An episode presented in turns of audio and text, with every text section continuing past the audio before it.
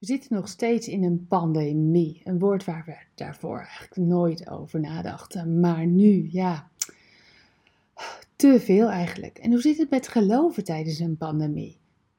Geloven helpt in tijden van een pandemie. Geloof jij dat ook? Er is onderzoek naar gedaan door Oostenrijkse onderzoekers in een recente studie. En zij zeggen dit. Gelovigen beleven deze coronacrisis positiever en zijn hoopvoller voor de toekomst. Gelovigen bidden en hun geloof is belangrijker dan omstandigheden, waardoor zij optimistischer blijven. hey, goed nieuws. Jij gelooft in God. Wat een voorrecht. Gefeliciteerd.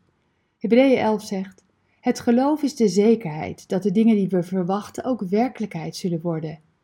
Het is het bewijs van de dingen die we niet zien. Jij hebt hoop. Jij kunt bidden. Ook al zie je het nu nog niet recht voor je, je mag die zekerheid in je hebben. En God belooft dat hij naar je luistert. Jeremia staat: Jullie zullen naar mij toekomen en tot mij bidden, en ik zal naar jullie luisteren. Jouw gouden sleutel om in deze tijd rust te vinden, is het sluiten van je ogen. Sluit je ogen en ga zien wat God voor ogen heeft. Sluit je ogen en ontvang Zijn vrede. Sluit je ogen en open je hart voor Zijn hemelse kracht, juist nu, in deze tijd. Kijk God met gesloten ogen open aan. Je ogen sluiten vraagt om stoppen met waar je mee bezig bent. Stop, bid, wees stil. Laat alle gedachten als wolken voorbij gaan en richt je vervolgens steeds weer opnieuw op Gods liefde.